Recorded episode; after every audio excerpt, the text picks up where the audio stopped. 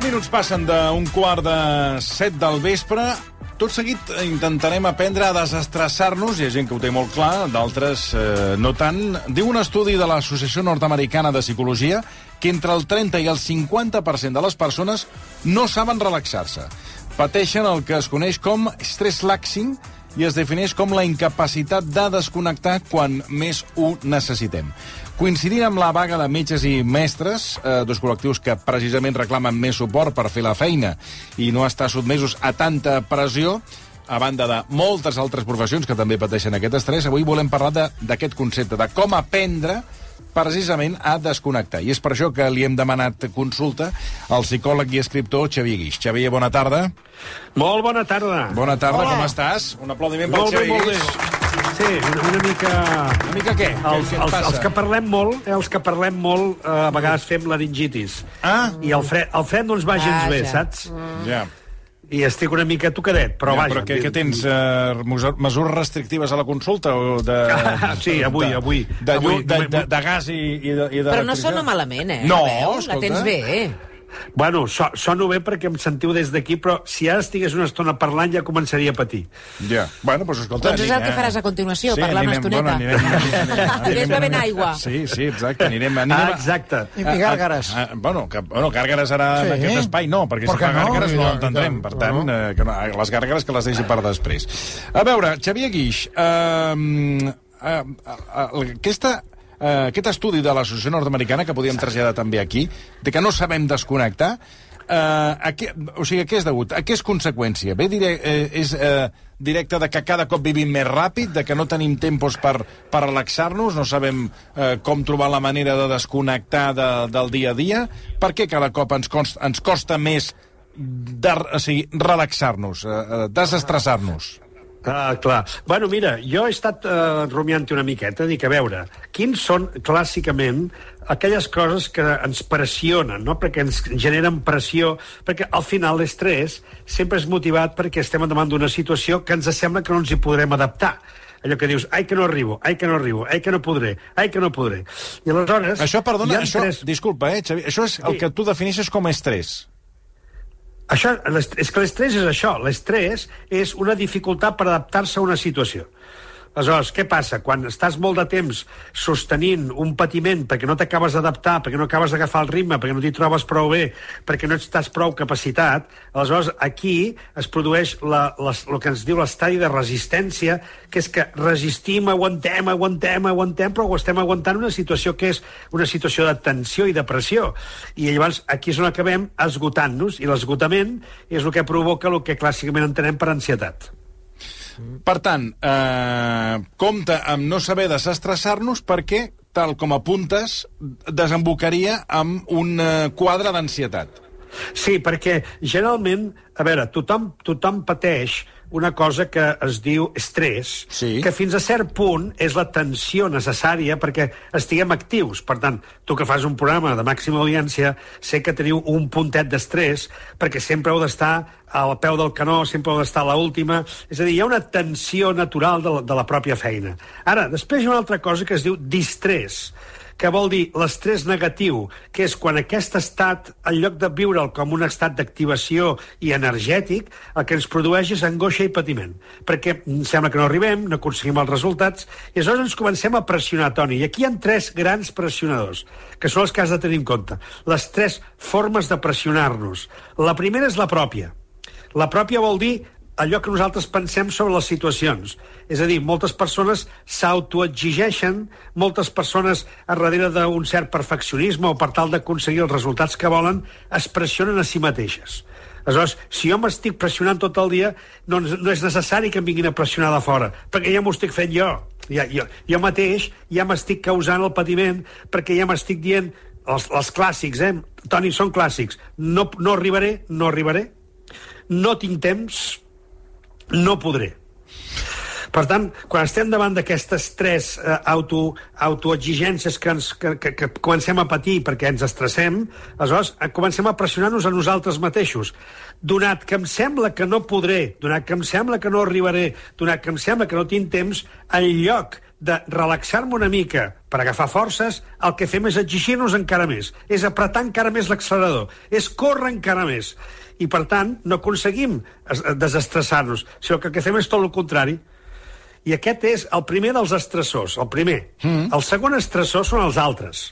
Evidentment, doncs, la, la gent que està al teu voltant, companys de feina, els directius, la família, els fills, el teu entorn, les amistats, és a dir, que contínuament t'estan transmetent també pressions perquè ja ho saps tu, que la família, uh -huh, la els gent que tens pares. al voltant, els pares, etc etc, tot el dia t'estan dient coses. Que fa dies que no ens truques, l'altre que no em portes la feina que vam quedar i encara no l'has acabat, els fills que no paren de reclamar no hi ets mai... Mm. Aleshores, una persona que està vivint amb això, com et pots imaginar, és un suplici perquè, a part de la seva pròpia pressió, està rebent la pressió del seu entorn. I, finalment, hi ha la pressió social que és una mica les vagues que estem veient, que és la pressió pròpia del sistema, que arriba un moment en el qual la gent ja no aguanta més. Per què? Per què? Perquè tant rendiment, tant rendiment, tant rendiment... Hem arribat a un punt en què hi ha excessiva pressió social, eh, relacional i personal. Per tant, aquests tres punts són... Imagina't una persona que els està patint tots tres Oh, petes. Clar. petes. És que no queda cap més remei que petar. Aleshores, aquí és on diu, bueno, ara vostè vingui a fer un tractament per des, desestressar-se, eh? per relaxar-se. Llavors, què passa? Aquesta persona, quan entra a fer un tractament per relaxar-se, ve tan estressada que necessita una mica de temps per començar a desestressar-se. Com que d'entrada vol desestressar-se però no ho aconsegueix, aleshores comença estressar-se de nou, perquè està dient, ostres, no em puc relaxar, és que no hi ha manera. Vaig a la platja, vaig a passejar, però el cap el tinc tot el dia a la feina. És a dir, estem fora de nosaltres mateixos. És, és el que anava a preguntar, és el que anava a preguntar, que, que és allò de, vaig a, vull relaxar-me, m'agafo, eh, suposem, un dia, me'n vaig a la Sí. muntanya, i a la muntanya hi ha dalt el sol, amb, la, amb, la, les, mm, vull dir, amb els ocells sí. i les vaques Faré i tal. una desconnexió. Faré una desconnexió que Veuràs. veuré les coses. I puges, estàs allà, i encara, vull dir, t'empanes més, perquè no, no sé per què, Exacte. però no et desconnectes, al contrari, encara Exacte. eh, li fots més Com voltes és que no, que no em desestresso? Exacte. Exacte. Eh? Per què? Perquè encara no m'he donat temps. Mira, agafem un exemple que serà molt senzill, Toni, i a més, els que esteu aquí segur que ho heu viscut tots. Però agafem-te tu de referència, Toni. Imagina que tu vas a passejar, que deus fer passejades Sí. por ahí, eh? sobretot quan ets al cap de setmana, deus fer passejades. Quan comences la passejada, el cap on el tens? Bueno, uh, pendent del que veig, uh, a veure si hi ha alguna cosa que es pot aprofitar pel programa. Sí, exacte. Per tant, no estàs desestressant-te, no estàs tranquil·lament vivint la passejada, sentint el teu cos, mirant cap en fora, No. els arbres, el, el temps... No, tu comences a caminar i el cap se'n va de seguida cap als teus pensaments i què fer el programa aquí, què fer el programa allà, que això no ens va bé, que això hauríem de fer-ho millor, que papà, mm. papà. Al cap d'una estona d'estar passejant, què, què et passa? Quin és el pas següent? Que ja comences a calmar-te una mica. Mm. I, per tant, ja comences a no pensar tant i ja comences a mirar una mica l'entorn. Hosti, mira, tu, no havia, vi- no havia vist mai aquests arbres. Sí. Ai, mira, avui el mar està més encalmat. Ah, mira, avui ja comences a mirar cap en fora. Ja deixes de mirar-te tu el malic. I quan portes ja una bona estona caminant, ja no, ni veus res, ni penses res, senzillament camines. Estàs en la pròpia acte de caminar. Aleshores, aquest punt, aquest últim, és el de desestressar-se. Quan aconsegueixo estar amb la, amb la ment quieta i el meu moviment i el meu cos està senzillament fent el que ha de fer, que és estar centrat en el moment present. Marta. Xavier, una pregunta. Tu ens deies que hi havia tres formes de Sí. Sentir la pressió. Tre- Una és la pròpia Sí. autoexigència, l'altra Sí. és que l'exigència vingui dels altres i l'altra és la pressió Sí. social. I estic Sí, segura eh, que amb aquests tres exemples hi haurà Sí. hagut molta gent que dirà ostres, és que jo... jo hi haurà que, que ho tindran els tres, eh? però hi haurà que diran jo sóc dels d'autoexigència, o d'altres que diran jo és que tinc un jefe que no para de pressionar-me, o d'altres Sí. que se senten pressionats socialment. Aleshores, d'aquests tres casos, a l'hora de relaxar-se, a qui diries que li costa més? El de l'autoexigència, potser? Sí, és que, però, és que clar, al final, mm, eh, Marta, tot va parar a nosaltres mateixos. Clar. Tot allò que vivim a fora, tot allò que ens passa, al final ens ho portem a nosaltres mateixos. Per tant, sigui social o sigui els altres, al final m'ho porto a mi. Perquè jo hauré d'acabar prenent decisions i jo acabaré pensant sobre aquelles coses que m'estan passant i, per tant, la forma en què jo pensi en aquestes coses em pot donar calma o em pot angoixar molt. Clar. Aleshores, això al final depèn de nosaltres mateixos. Per tant, diríem que el punt de partida sóc jo mateix, el punt de partida som nosaltres mateixos. Per què? Perquè ningú ens pot crear la realitat que estem vivint. Aquesta realitat ens la, cre ens la creem nosaltres amb el que pensem. Ara, els factors condicionants de fora, com són doncs, les notícies, les coses que passen, els entorns, la feina, el rendiment... Això ens condiciona moltíssim. Llavors, hi ha persones que es deixen condicionar molt pel que passa. I això ho veurem a tot arreu. Hi ha persones que de seguida pateixen, mm. hi ha persones que s'angoixen, hi ha persones que de seguida estan pels altres, de seguida volen resoldre el dels altres, de seguida volen ajudar, hi ha persones que miren massa cap en fora el món com va, i aleshores tot el seu viure és com està el món, quina merda de món I que tant, tenim, mira Tot que són on anem, això serà un desastre, Sí. Merda. el clima, mira quin clima que tenim, mira quin fred, Fred. tot això no és normal, això I- fotrà un pet com una gla... Clar, si, tot això t'ho vas explicant, i quan que t'ho vas explicant, et vas creant tu mateix l'angoixa, i llavors, clar, surt d'aquí. Un cop t'has ficat aquí, surt d'aquí. És que Llavors, per sortir d'aquí, necessitem una mica de, de procés, necessitem una mica de temps. ara, ara explicarem com, com sortir d'aquí. Eh, Els oients que no desesperin, ara ho explicarem. Sí, Eh, però abans vull fer-li una pregunta. Això que deies de, dels fets externs, hi ha gent que, que les coses se les pren d'una manera tan... Eh, A la valenta, Que... No, no, no, no, no, volia dir... Això que deia fa un moment, que, o sigui, que hi ha gent... Que, ara poso l'exemple de la guerra, no? Ucraïna-Rússia. La viu de tal, sí. ma, de tal manera que ells pateixen el fet de que no s'acabi la guerra.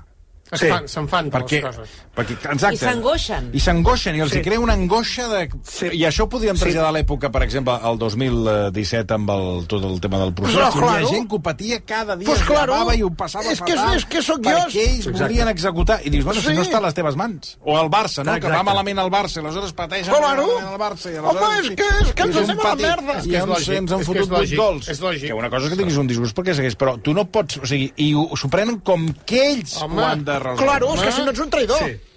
Això també... T'haig de, eh, dir, t'haig de dir que amb això eh, compta molt la sensibilitat de cadascú. És a dir, hi ha persones que en aquest sentit són molt sensibles... No, i que pateixen, pa- ho pateixen. I pateixen, pateixen. El que passa que, clar, quan una, quan una persona pateix massa, excessivament, per una cosa que no depèn d'ella, aquí hauríem de recórrer als estoics i dir, noi, allò que no depèn de tu, allò que no està a les teves mans, deixa-ho estar, perquè no hi pots fer res. Ocupa't, millor que t'ocupis d'allò que et convé i d'allò que està a les teves mans. Mm. Aleshores, aquest pensament desastrós o aquest pensament una mica eh, el tenen les persones sensibles, sobretot que pensen en el futur, no? Veuen aquest món i pensen, ai, què serà dels meus nets? Ai, quins fills... Que, què viuran els meus fills? I, escolti, els seus fills, quan arribi l'hora, viuran el que, el que els toqui viure. No ho sabem, ningú ho sap el que viurem d'aquí 15 anys, 20 anys, 30 anys. Però hi ha gent que avui ja s'angoixa per això. Escolta, parlant del desestrès, i ara ja entrem amb, amb algunes solucions. Un desestrès que veig habitualment, de... bueno, que ho veig, ho veig al meu voltant, mm. és hi ha gent que busca el desestrès o teòricament diuen que es desestressen mirant el mòbil. Agafen el mòbil, eh, entren a, pues, què et diré jo, pues, l'Instagram o el, el, o el TikTok o totes aquestes sí, aplicacions i queden allà Sí. com estabornits, Sí. eh, queden allà com si els haguessin fotut un xute d'anestèsia i poden estar Sí. una hora, dues hores totalment perduts allà dins. Sí. Dius, bueno, i, I teòricament allò, la pregunta és si això és una manera de desestressar-se, perquè no els sents, queden allà buits. Mira, uh, per una banda, sí, segurament es desestressen, però per una altra estan creant una addicció. Aleshores, és clar, això és com el fumar, això és com el beure, això és com els jocs, això és com qualsevol cosa que dius, mira, em distreu, ai, mira, m'ho he passat bé, mm. també m'he passat l'estona, mira, m'he m'he distret del, dels cabòries, sí, sí, però t'estàs creant una addicció, I no pares de beure, no pares de fumar, no pares de jugar, doncs amb el mòbil és el mateix. És a dir, com he dit moltes vegades en aquest programa, i com deien també els estoics, res en excés, mai res en excés, perquè quan, quan ja eh, d'alguna cosa n'abusem, en creem una addicció sense que ens en donem compte. I, per tant, estem creant justament el contrari, que avui em distreu, però demà serà motiu del meu estrès perquè, perquè ho trobaré a faltar i no podré viure sense això. Aleshores, res pitjor que algo amb el que no pugui deixar de viure. No pot ser. Aleshores, això que tu em dius és cert, em distreu una estona, però m'està creant un patiment pel futur. Mm. Aleshores, anem amb aquest petit decàleg que ens has preparat per desestressar-nos. A veure, Exacte. per on comencem? Pel que tu vulguis, quina és la primera? Bueno, la primera és prendre les coses més calmadament. Ah, exacte, perquè estem parlant tota l'estona que tot ve a nosaltres i tot allò que ve a nosaltres o acaba en nosaltres, nosaltres ho rumiarem. És allò que mm, simbòlicament diem ho parlarem amb el coixí quan mm, dormim. sí. Aleshores, allà és un bon moment, primera, per no pensar. Al llit en horitzontal no s'ha de pensar mai. Mai. En horitzontal pots però... distreure, Sí, doctor, pots però- respirar, pots estar fent Sí, cosetes sí, que sí. senzillament t'ajudin a dormir. Però en horitzontal pensar, no. I si tu estàs nerviós i estàs pensant en una cosa, on està l'interruptor per parar de pensar? Perquè jo penso en el Barça, penso en Catalunya, El penso en els dos gossos. Al llit. Eh, clar, llit. I no puc parar de pensar i somio amb això i em desperto i només penso en això. Com, com ho pares, això, doctor? Sí, clar, per això, diem, hem de fer algunes activitats que ens treguin del cap. I la primera activitat que ens treu del cap Fotre's sempre un és el cos. És el que tenim més immediat. Mira, fotres un tiro i el s'ha tallat, semiguí. i s'ha tallat la línia. Hem, hem, perdut la, hem perdut la comunicació. És molt el- difícil, això que estava dient ara. em Ma, sembla. Bueno, Això ara, és ara, aturar el cap. La següent pregunta era com atures, Com atures el el cap és que al el cap coixí. va sol. Muntàssers. A mi em passa, o sigui, i, és que el cap et va... Igual te dorms i després t'aixeques a les 3, que és una hora nefasta, i, i a més a més... Sí, sí. Et comença el cap a pensar en unes tonteries que no tenen importància. Bueno, tonteries, i tu... tonteries. No, de vegades són xorrades, perquè al matí dius, però A mi sóc m'han vingut- tonta a mi m'han vingut- d'haver perdut el, la son per culpa No, però, d'aquesta tonteria. perdona, jo a vegades m'he aixecat allò en, entremig d'una nit, allò pam, i el, ca, el cap està funcionant, allò... Sí. Entre, entre, tota Allò màquina, que, que tota entre, entre mitjanit, Sí. i pam, t'aixeques, i ve un, a mi m'ha vingut idees que dic, hosti, Llavors, I t'ho vaig, apuntes, vaig, o què? vaig corrent al, al, al, al lavabo, que tinc una llibreta, i m'ho apunto. No tinc m'ho una llibreta creure. lavabo, sí, llavors m'apunto. Però això ja et desvella del tot, El Toni. que passa... Eh, sí, sí, llavors m'apunto, tal, no sé què. El que passa que després me'n vaig a, to- intento tornar a reprendre el, el son i el dia següent, com ho miro, penso... Bé, vaya merda idea. Ja, Sábelo. ja saps, ja...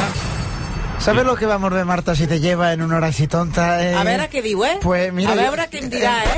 Menja- Compte, eh? No, menjarte una Doncs gelatina. sembla que... em- Una què? Una gelatina. Li, li han tallat la llum, eh, al, Sí, sí, sí, al guix. No l'estem recuperant, eh? No, no, s'ha No quedat... sigui això de... L'hem perdut. Doncs ara ja em diràs... S'ha desestressat de cop. No estem... Ha, ha deixat de pensar i si no penses no pots parlar perquè no saps què, què has de dir. Sí, sí, sí, És el que li ha desconnectat. passat. Antes es deia no amoïnar-se per res. No, no, te- eh, què, què ens ha dit ell? Que no ens estressem? Doncs no ens No, no estressem. No, Tranquils. no. Tranquils. No Ja tornarà, ja Ens va dir que tornarà. ens ho prenem calmadament, Sí, tranquils. Això és com quan ara ens Amb hem la quedat, calma. com si ens haguéssim quedat tancats a l'ascensor. No us amoïneu Va, per que ja el res. tenim, que ja el tenim. No us doctor, amoïneu. doctor, Digui'm, digui'm.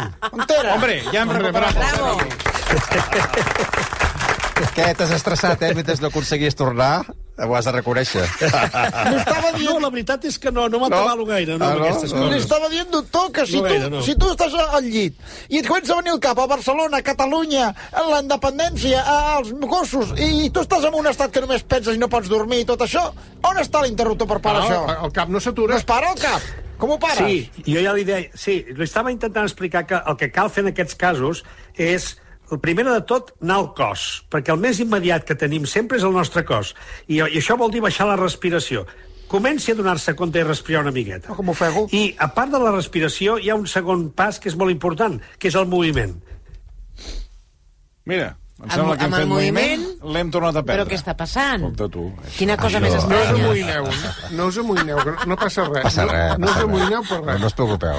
No hi ha problemes. Si el problema no té solució, per què preocupar-se? Si té solució, per què preocupar-se? Ja Bueno, està. Les Ah. màquines, perdoneu, eh? sí. Que també us Escolta, ho mira- digui, les màquines fan. Mira, aprofitarem, aprofitarem per... Vaig embocar-me, tu. No, dic, uh, dic el, el, el, posarem per telèfon, perquè avui... Uh, Perquè- moquis, moquis. Per- Ja l'hem que- recuperat? que tens Vinga, ja hem molts. recuperat. Ah, home, per favor. Hosti, Vol, vaig, vol vaig fer a buscar. favor? Home. Per favor. Va, eh, Vostè anem- creu que és normal Anem, anem a bon preu a comprar, manera? a comprar mocadors de paper i ara tornem. Bueno, a veure si la tercera va la vençuda. El Eh, contacte. Sí, sí, l'establirem per telèfon, per això, eh, perquè avui ens uh, falla la- l'aplicació. Guix, Xavier Guix, bona Senyor, tarda. aquí estic, aquí estic. Bueno, doncs estàvem amb això. Uh, jo crec que l'exposició del Vicenç Martí era clara. Sí. La pregunta Sí, és sí, com sí. desconnectes uh, que el cap vagi a 300 al llit? Que ella ha dit, va ser la respiració i anar al cos. Estàvem, Deies, exacte. anar al cos. Ah, exacte, eh? La primera de tot, anar al cos, i anar al cos vol dir respirar, fonamentalment, i segona, mo- moure's, moure's, moviment. Eh? Aleshores, per això dic, quan estem al llit no podem pensar, és el moment que hem de dir, no, aquí no penso, aquí llegeixo, aquí potser em poso una musiqueta que em relaxi, però res de pensar. Però a veure, un I- moment, un moment, Xavier, Sí. dius, anar al cos, moviment, o sigui, ens hem de posar a moure al llit? No ho entenc. No, no, no, no. Dic, dic, si estàs en el llit, Sí? activitat zero i, sobretot, pensament zero. I d'aquí ve lo de lectura, d'aquí ve lo d'escoltar música, d'aquí ve l'escoltar la ràdio, d'aquí ve cosetes que senzillament no em permetin que jo estic donant-li voltes al cap. Mm. I quan estàs en el dia a dia, aquí sí que és important el moviment. Ah, La d'acord. respira eh? respiració i moviment, perquè la gent quan està atabalada tendeix a tancar-se, tendeix a seure i està tancada en els seus pensaments. I justament quan et comences a moure et donaràs compte de que no pots pensar igual. Per tant, ja tenim aquí un primer pas important per aquietar la ment, més enllà de que siguis un practicant de la meditació. S- El Segon... punt, sí, Sí. sí. el segon punt és distingir el que és important del que no. Perquè a vegades ens estem perdem el temps pensant en tonteries, en mm. xorrades. Eh, estem donant voltes a coses que no tenen cap sentit. Aleshores, un de tant tant s'ha de preguntar això que ara estic pensant, primera, està passant? És una cosa que està passant? I segona, això realment és important? Perquè si no és prou important, si no és una cosa que en aquest moment requereix tota la meva, tot el meu pensament, tota la meva reflexió, deixa-ho estar, perquè aquest, en aquest moment això no és rellevant. I a més a més, si això ho portem a l'extrem, ens donem compte de que a la vida, important, important, important, hi ha molt poques coses. Per tant, una cosa és anar feinejant, una cosa és anar fent el dia a dia, una cosa és anar resolent els problemes, l'altra és començar a atabalar-se per coses que realment no són gens importants. Però a veure, Per tant, aquesta- aquí tinc Sí. una, una, una pregunta, eh? Tu dius, hi ha Sí. molt poques coses que siguin importants, i és veritat, Sí. però de vegades en el dia a dia tenim, per exemple, nosaltres entreguem guions, o, Sí. o gent que treballa en una oficina ha d'entregar un informe. O sigui, se'ns Sí. exigeixen uns resultats. I això, Sí. tot i que quan nosaltres morim eh, i pensem en aquell guió, el guió no tenia cap importància, però en el moment present, quan t'estan exigint que tu donis un resultat, sí que ho és d'important. Tu no pots fallar en aquell moment. Sí, però això vol dir que hi ha d'haver una planificació prèvia i, per tant, un s'ha d'organitzar perquè el, aquesta, aquest guió estigui a punt en el seu moment. Sí, bueno. I, això- i, I, per tant, tenim... Home, sí... De vegades si no és tan fàcil, això. De vegades ja passen Ah. imprevistos, passen coses... Eh... Sí, Bé. Bé, bé, doncs aleshores el que farem, clar, el que farem és incorporar aquests imprevistos, és a dir, nosaltres tenim la, la, la, la capacitat que tenim. Per tant, avui en dia que s'exigeix tant i tant i tant, a vegades ens tornem bojos i lelos perquè volem complir amb tot, volem no fallar, que és el que dèiem al principi, però això a vegades és impossible. Per tant, a vegades hem d'admetre que, no, que no arribem. I, per tant, si no arribem, una de dues, com, o, o bé decidim evitar aquests inconvenients que tu dius, Marta, perquè sempre hi ha petits inconvenients que també ens hem de plantejar si són importants o no, perquè t'asseguro que gran part de les distraccions que tenim, gran part de les coses que passen no són importants. És perquè generalment volem atendre-ho tot, volem fer-ho tot i no sabem dir que no. Bé, un, Per altre, un altre apunt del decàleg, que, que no és un decàleg, són, són sis punts, Sí, són uns puntets. eh, és fer cada moment el que toca, sense anticipar el que vindrà. Que hi ha gent que sempre està Exacte. pensant ui, ui, eh, veuràs el que, el que vindrà ja veuràs o el que passarà, no? Ja Perquè no, no ho saps. Ja. Que això, en termes de Charlie Reixac, que és una frase que un dia va dir aquí en el programa i que Sí. sempre m'ha agradat, un dia l'hauríem de recuperar, aquesta frase, que ara dinem, ja veurem què soparem. Que hi ha gent que És sempre així. estan dinant i ja estan pensant què farem per sopar. I el Charlie, i el Charlie deia, no, ara dinem. I ja veurem, ja soparem, ja veurem què soparem. Exacte, ah, és això, eh, Toni? I, jo a vegades eh, explico, dic, mira, en lloc de mirar cap amunt, i si mires cap amunt et cauran totes les carpetes de tot el que tens per fer, mira endavant i veuràs que les carpetes estan organitzades una darrere l'altra. Per tant, primer una cosa, després l'altra, després l'altra, després l'altra. En canvi, si jo estic fent la primera carpeta i ja estic pensant en l'última, que no hi arribaré, m'estic angoixant. Per tant, on haig de posar la meva atenció? On haig de posar tota la meva força? On haig de posar la meva capacitat? En resoldre la primera carpeta. Les de més ja vindran. Oh, que em donen pressa aquí que allà. Molt bé, aleshores potser a vegades cal dir-li, aquell que et dona pressa, dir-li, bueno, doncs decideix tu quina, quina carpeta has de fer servir primer. És a dir, que també hem de tenir recursos en aquest sentit, mm -hmm. perquè si no, Clar. ho anem, ho anem assumint tot, ho anem assumint tot, volem fer-ho tot, i això és impossible. Destaques un altre punt, el quart, que és practicar un esport lleuger. Què ens aporta Sí. fer un, un esport lleuger? Ui. Sí, ens aporta això que dèiem. El primer de tot, moviment. Si el cos està en moviment, el cos està fabricant la, el que necessitem. Eh? Allò que les endorfines, necessitem les hormones que ens donen una mica de d'equilibri o ens donen una mica de sentir-nos millor. Per tant, un esport lleuger, o un caminar, un fer uns quants quilòmetres, un fer una passejadeta, un sortir amb un amic, un anar a prendre un te, és a dir, fer cosetes lleugeres, petites activitats, que el que ens reportin sigui benestar i que ens reportin sobretot una estona d'estar amb nosaltres. Ara, per això deia lleuger, perquè hi ha persones que es fiquen en el, en el món molt competitiu i que al final surten a córrer per competir amb elles mateixes. Per tant, s'acaben estressant perquè no aconsegueixen l'objectiu que s'havien posat. Uh, un cinquè punt, dius, tenir una vida complementada, que no tot Sí. sigui la feina, que també hi hagi oci, distracció, temps, amistat i la família. Efectivament, eh, que és el que estàvem dient ara. És a dir, a veure, que la feina no es converteixi en l'únic que hi hagi a la teva vida. Eh, això està només destinat a aquelles persones que entreguen la seva vida per una sola causa. I d'això n'hi ha molt poquet. Avui en dia ja tothom més o menys vol repartir la seva vida en diferents espais, diferents persones, diferents amistats, diferents àmbits que puguin donar una vida complementada. Si tot ho, ho centres en una sola cosa, que és posar tots els ous en una sola panera, aleshores només tindràs d'allò, només podràs fer truita. Per tant, la teva vida ha de poder tenir complements. I aquests complements són els que al final del dia et donen la tranquil·litat de dir, mira, sembla que he viscut, perquè això és l'important. I un últim apunt, que és els dels caps de setmana. Dedicat, Exacte. dius, dedicats a nosaltres. Ah, exacte, eh? Llavors aquí hi ha moltes possibilitats. Oci, autoconeixement, anar-te'n a fer un retir, eh, fer, fer una caminadeta, trobar-te amb els amics, practicar la, eh, aquests esports, o practicar algun aspecte que sigui de col·lectiu, amb altres. Perquè eh, això et dona una nova dimensió, et trenca totalment. Fixa que quan les persones se'n van por ahí de viatge, ni que sigui un cap de setmana, quan tornen diuen, sembla que ha passat una setmana. Ah, exacte, Sí. sí. Eh? I és perquè, senzillament, has pogut desconnectar del tot. I llavors aquesta desconnexió és el que necessitem, que durant unes hores deixis d'estar pensant en els problemes de cada dia. És això. Xavier Guix, moltíssimes, moltíssimes gràcies. Una abraçada. Gràcies a vosaltres. Bona Gràcies, tarda. bona tarda.